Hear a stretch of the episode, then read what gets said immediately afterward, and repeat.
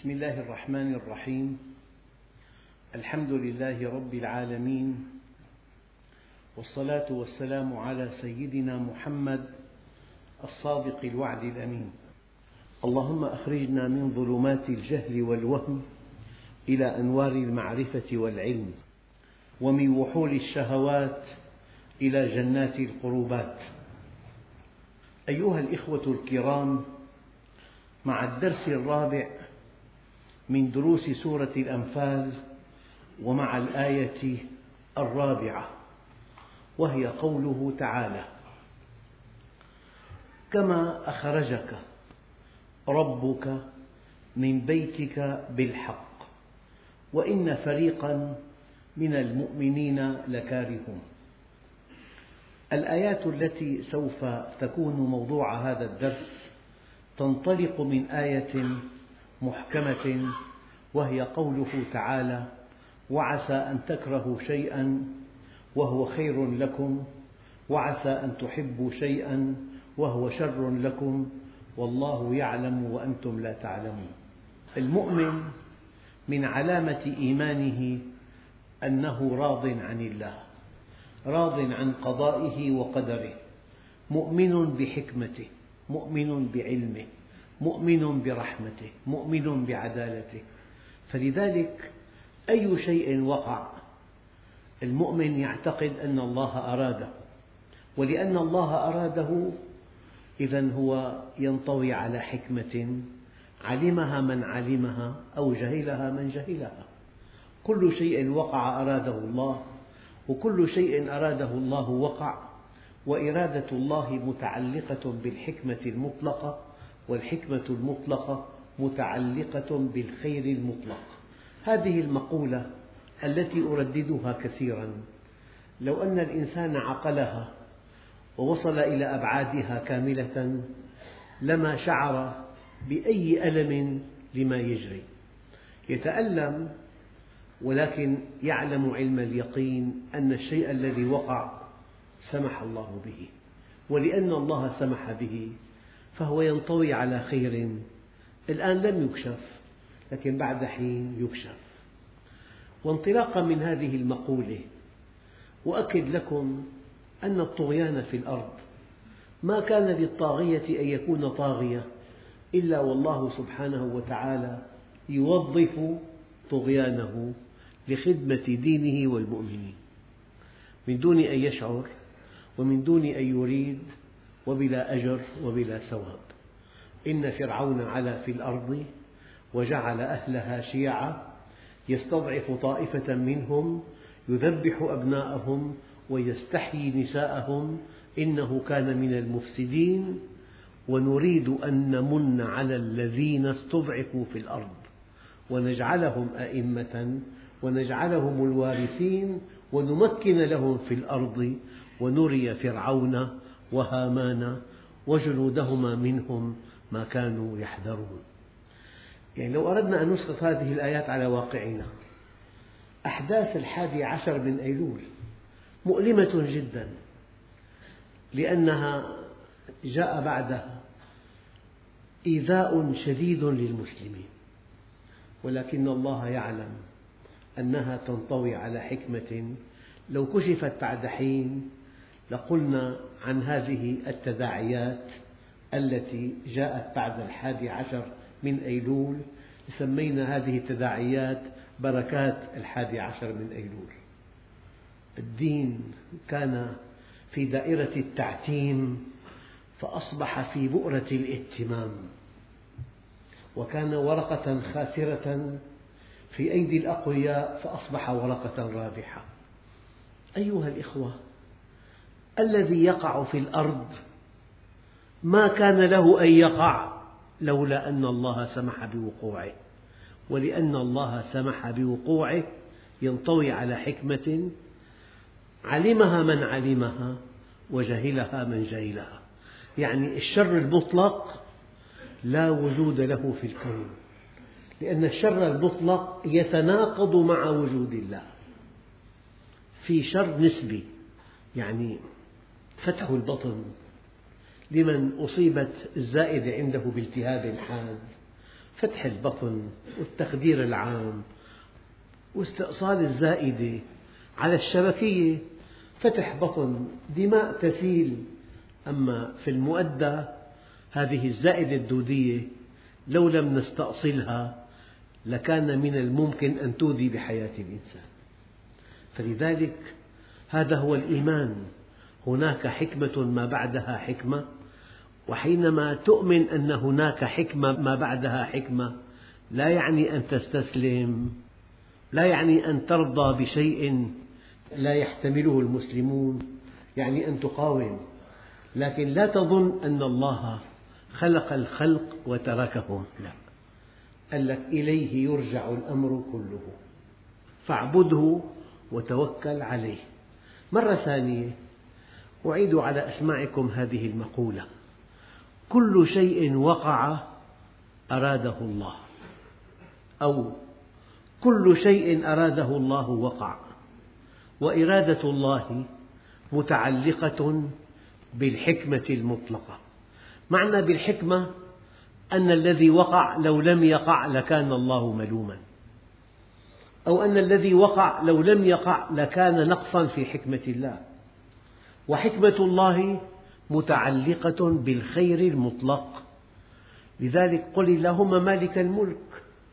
تؤتي الملك من تشاء وتنزع الملك ممن تشاء وتعز من تشاء وتذل من تشاء بيدك الخير. لم يقل والشر. إيتاء الملك خير ونزعه خير. وإعزاز الإنسان خير وإذلاله خير إنه يذل ليعز. يخفض الله ليرفع يمنع ليعطي يضر لينفع. هذه الكلمات ينبغي أن تلفظ معا. الضار النافع يضر لينفع الخافض الرافع يخفض ليرفع. المعز المذل يذل ليعز. لذلك كل شيء يصيب الإنسان في الدنيا محض خير في خير ظاهر وأسبغ عليكم نعمه ظاهرة وفي خير باطن وباطنة المصائب. وصدقوا أيها الإخوة ما من محنة تصيب المسلمين إلا وراءها منحة من الله. وما من شدة تحيق بهم إلا وراءها شدة إلى الله. آيات اليوم تنطلق من قوله تعالى وعسى أن تكرهوا شيئا وهو خير لكم وعسى أن تحبوا شيئا وهو شر لكم والله يعلم وأنتم لا تعلمون. صدقوا أيها الإخوة لو أن الله سبحانه وتعالى يوم القيامة ساق لهذا الإنسان حكمة ما أصابه في الدنيا. أنا أقول لكم وهذا محض إيمان. إن لم يذب كالشمعة محبة لله لكان في هذه الحقيقة شك. وآخر دعواهم أن الحمد لله رب العالمين. النعم الباطنة هي المصائب. إياكم ثم إياكم ثم إياكم أن تفهموا من كلامي أن ترضى بالمصيبة أن ترضى عن الله بها. لكن أن تقاومها.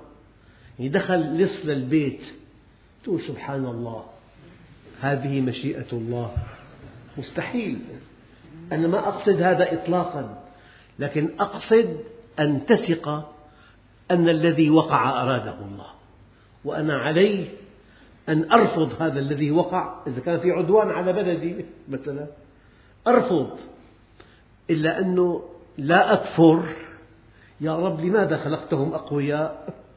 ونحن ضعفاء واحتلوا بلادنا؟ لا. هناك حكمة بالغة ولو شاء الله لانتصر منهم ولكن ليبلو بعضكم ببعض. يعني أرادنا الله أن نكسب شرف مقاومة العدو. هو قادر أن يجعلهم أشلاء بثانية واحدة. ولو شاء ربك لانتصر منهم ولكن ليبلو بعضكم ببعض. يعني بشكل أو بآخر. أنتم مؤمنون معي قطعا أن كل شيء أراده الله وقع وأن الله على كل شيء قدير.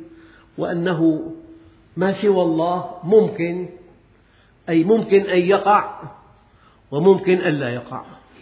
ممكن آخر ممكن أن يقع على ما وقع أو أن يقع على خلاف ما وقع. طيب أليس من الممكن أن يجعل هؤلاء الأعداء أعداء الدين في كوكب آخر؟ لا نرى شيئا ما عندنا مشكلة بالأرض.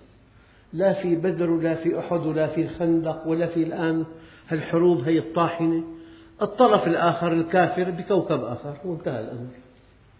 بل من الممكن أن يكون الطرف الآخر بقارة أخرى قارة خاصة للكفار أو بحقبة أخرى. ولكن شاءت حكمة الله أن نكون معا في مكان واحد وفي زمان واحد. قال لأن الحق لا يقوى إلا بالتحدي ولأن أهل الحق لا يستحقون الجنة إلا بالبذل والتضحية. كلام دقيق كل شيء وقع أراده الله وكل شيء أراده الله وقع وإرادة الله متعلقة بالحكمة المطلقة والحكمة المطلقة متعلقة بالخير المطلق. لو أردنا أن نستعرض آخر أحداث مهمة ألمت بنا حرب غزة. طبعا سلبياتها واضحة. رآها الناس رأي العين. الأطفال الذين قتلوا النساء هدموا عشرين ألف بيت صح. لكن من يخطر في باله أن هذه الأحداث جمعتنا جميعا بمشاعر موحدة؟ وصار في بذل لا يعلمه إلا الله وحدتنا هذه الأحداث كشفت إجرام أعدائنا. والله لو دفعنا مليارات لا نستطيع أن نشوه صورة الأعداء كما شوهوها بأنفسهم. ثم إنه صار في قلب للمعادلات. كان في مسلمات أن هذا جيش لا يقهر. فئة قليلة ضعيفة مستضعفة عشرة آلاف تحت الأرض. أكبر جيش بالمنطقة أعتى جيش أقوى جيش أسلحة منوعة والعالم كله يغطي هذا العدوان كله ساكت. فالله عز وجل أرانا قدرته أرانا أنني يا عبادي موجود الأمر بيدي. بأي لحظة المعادلات كلها تخفق. لذلك المؤمن الصادق يتحرك ويسعى ولكن لا يكفر لا ييأس. الله عز وجل لا يتخلى عنه. لذلك الآيات اليوم قال تعالى كما أخرجك ربك من بيتك بالحق وإن فريقا من المؤمنين لكارهون. وعسى أن تكرهوا شيئا وهو خير لكم وعسى أن تحبوا شيئا وهو شر لكم والله يعلم وأنتم لا تعلمون. يعني المؤمنون لماذا هم كرهوا؟ قطعا وقولا واحدا هم الصحابة. ما كرهوا القتال ولكن ما في توازي أو ما في مكافأة بينهم وبين الأعداء.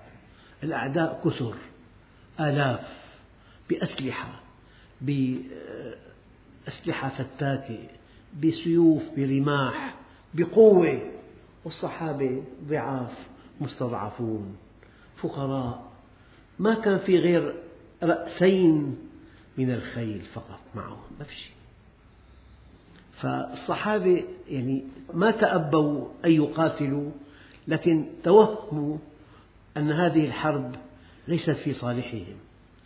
هذه الكراهية لا تنفي عنهم الإيمان الكبير ولا تنفي عنهم الرغبة في البذل والتضحية.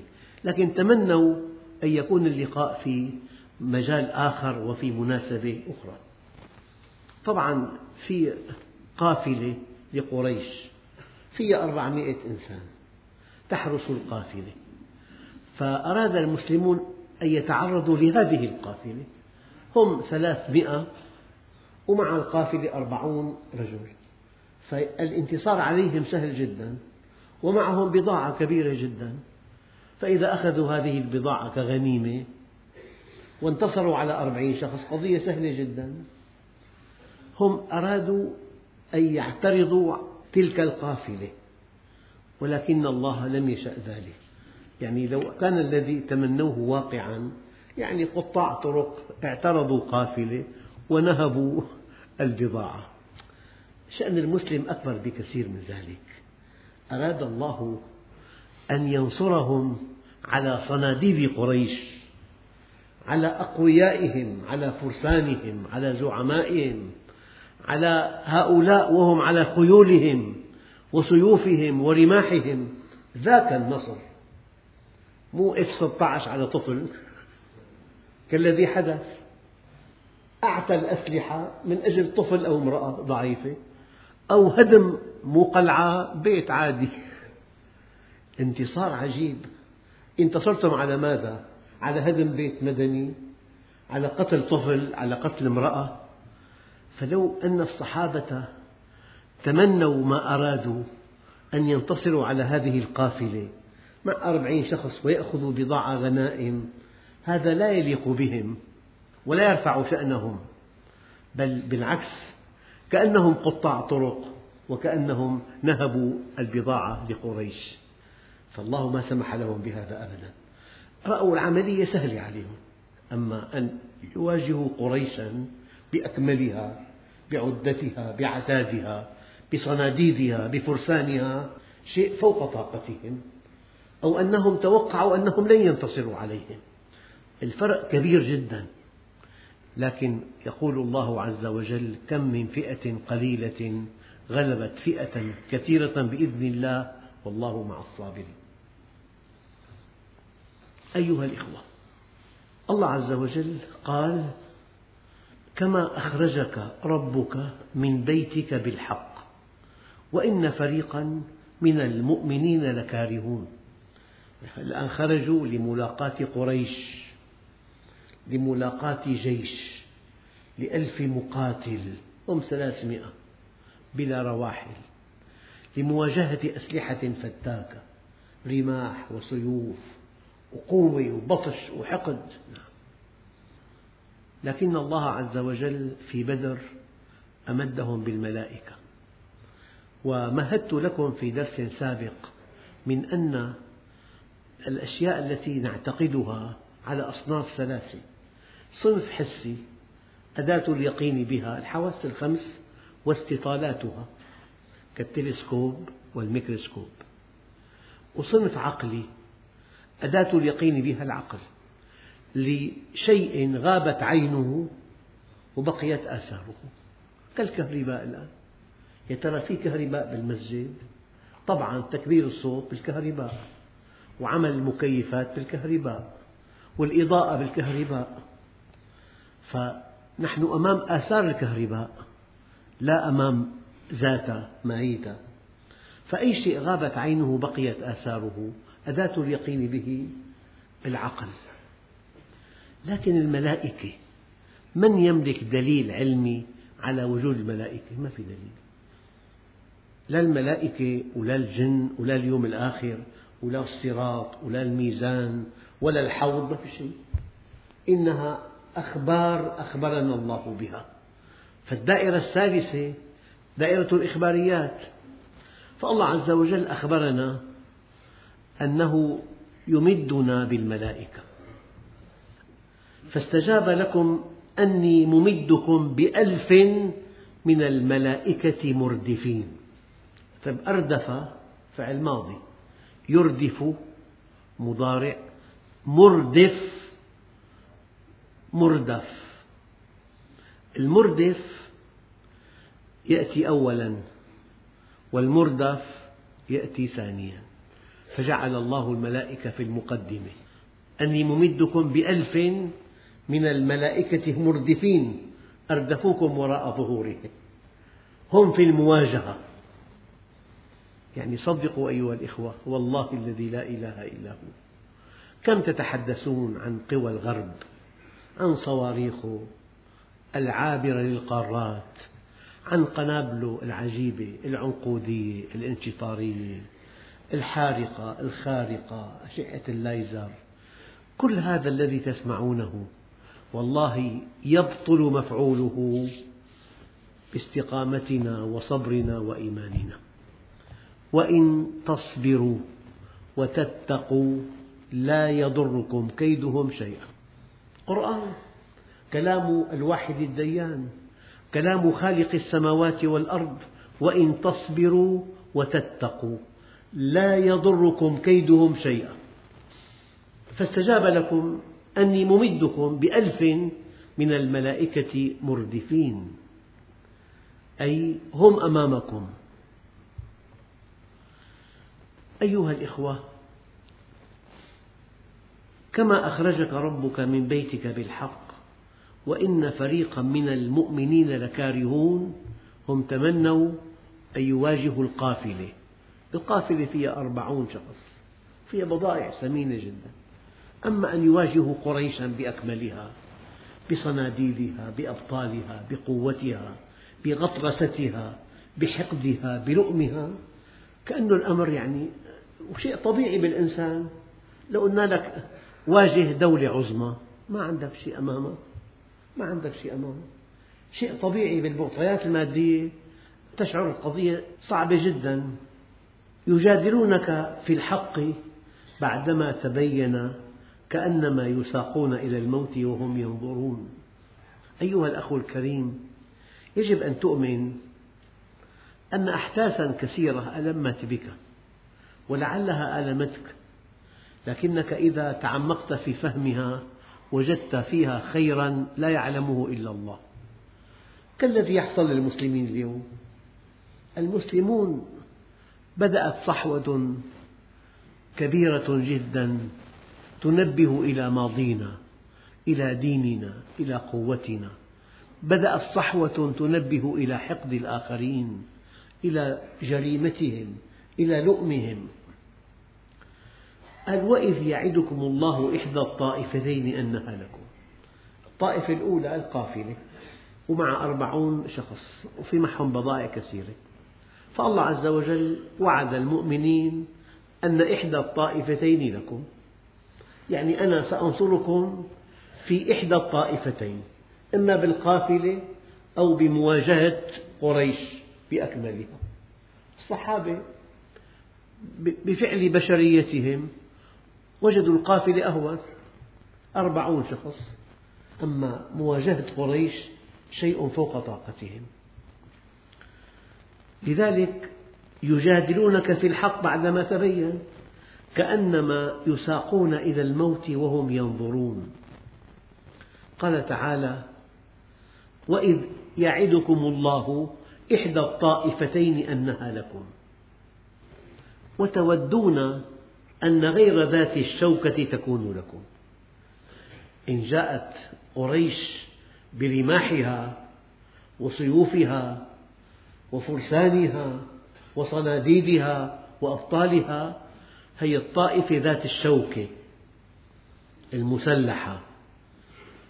أما القافلة طائفة ليست ذات شوكة.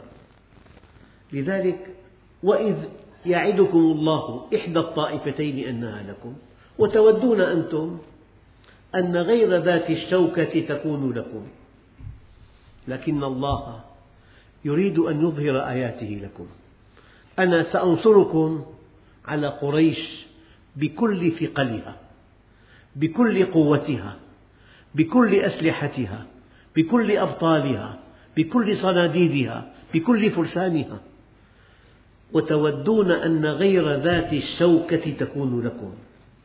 ويريد الله أن يحق الحق بكلماته ويقطع دابر الكافرين. يعني هزيمة نكراء. يعني كيف أن العدو وضع في المنطقة ليكون العصا الغليظة للغرب؟ في السابق كلما أشار له الغرب إشارة افتعل حربا واكتسح أرضا ونهب ثروة وأنهى الحرب بساعات إذا هو العصا الغليظة لكن في عام 2006 و2008 لم يبقى العصا الغليظة. العصا المكسورة تضعضعت مكانته. فلذلك ويريد الله أن يحق الحق بكلماته ويقطع دابر الكافرين ليحق الحق ويبطل الباطل ولو كره المجرمون. يعني بالنهاية عليك أن تستسلم أيها المؤمن الذي وقع أراده الله والذي أراده الله وقع وإرادة الله متعلقة بالحكمة المطلقة والحكمة المطلقة متعلقة بالخير المطلق. طبعا كأنما يساقون إلى الموت وهم ينظرون. أيام القيادة تكون في المقدمة تقود الجيش إلى النصر. أحيانا تكون في المؤخرة تسوق الجيش إلى النصر. إما أن تكون في المقدمة تقوده إلى النصر أو أن تكون في المؤخرة تدفعه إلى النصر. على كل كل قيادة لها حكمة عرفها من عرفها وجهلها من جهلها. ليحق الحق ويبطل الباطل ولو كره المجرمون. الحق الشيء الثابت الهادف والباطل الشيء الزائل العابث. يعني في بالحياة ما يسمى بالاثنينية في حق وفي باطل خير وشر صدق وكذب إخلاص وخيانة قسوة ورحمة. الحق هو الله والحق الشيء الثابت والهادف للتوضيح حينما نبني جامعة هذه الجامعة تبنى لتبقى. في جامعة ببريطانيا عمرها خمسمائة عام تبنى لتبقى. لذلك تبنى ببناء قوي جدا وحجر حتى يقاوم كل عوامل التعرية. أما السيرك يبنى لأسبوعين. إذا من قماش. هذا السيرك يبنى ليزال بعد حين. في فرق بين الحق والباطل. الحق ثابت وهادف الجامعة من أجل تخريج قادة للأمة علماء أطباء مهندسون محامون قادة للأمة والسرك من أجل المتعة الرخيصة. وآني. فالباطل شيء عابث وزائل عابث وزائل والحق ثابت وهادف. لذلك الدين حق لأنه هدفه إسعاد الإنسان في الدنيا والآخرة. وأمده إلى أبد الآبدين. أنت لما بتكون دين أثر الدين ليس في الدنيا يمتد إلى ما لا نهاية. بالعكس الموت نقطة على خطك البياني الصاعد. المؤمن خطه البياني صاعد والموت نقطة على هذا الخط ويبقى الخط صاعدا بعد الموت. هذا الدين. الدين لأنه يعطيك السلامة والسعادة في الدنيا والآخرة.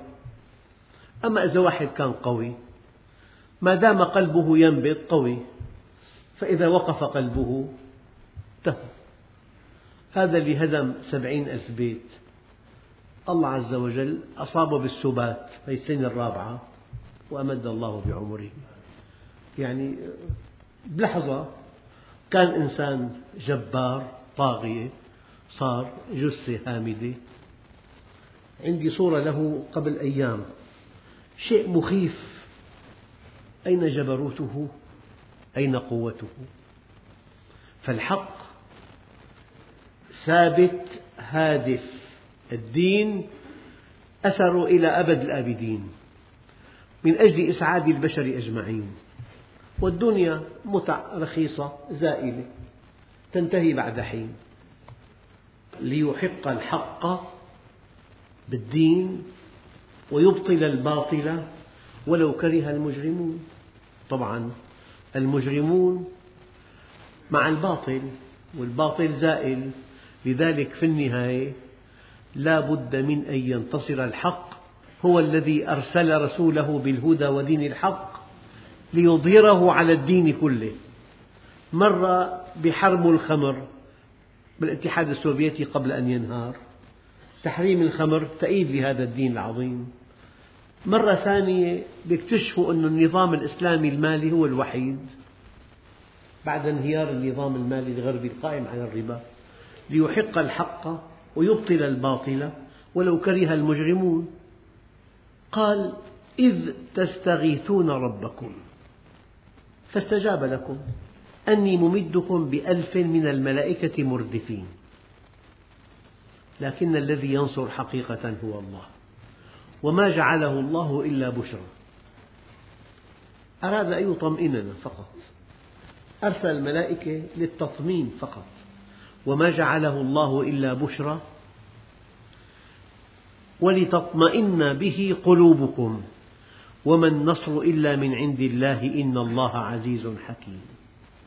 هي حقائق القرآن يعني الله عز وجل خلق السماوات والأرض وأنزل على عبده الكتاب. الكون في كفة والقرآن في كفة. هذا كلام خالق الأكوان.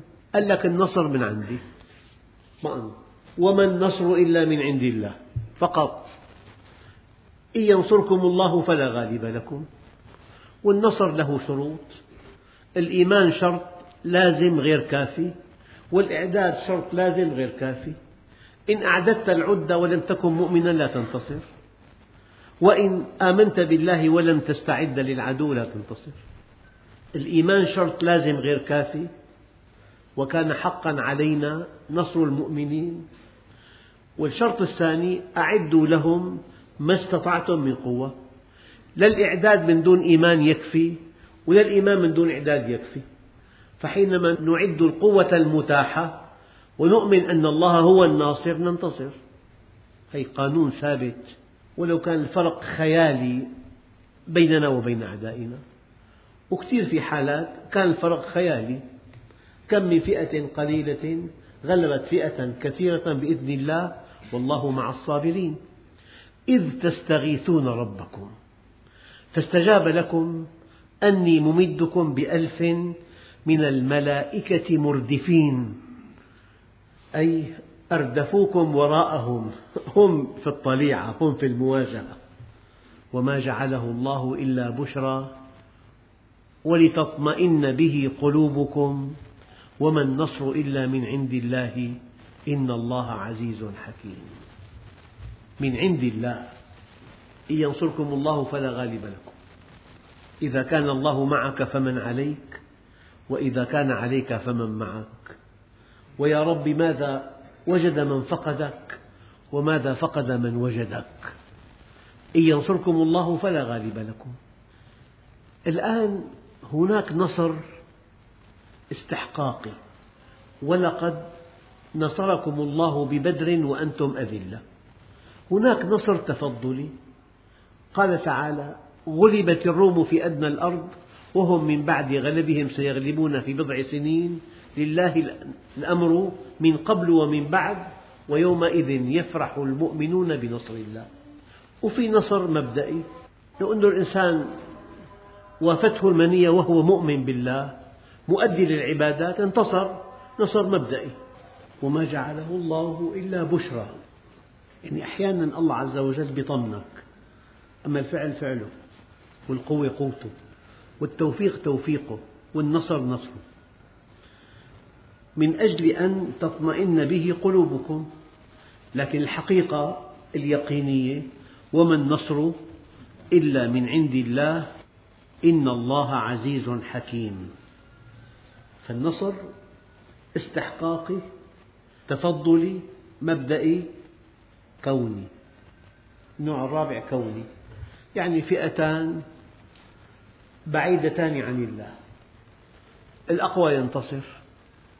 يلي سلاحه دقة إصابته أدق بينتصر.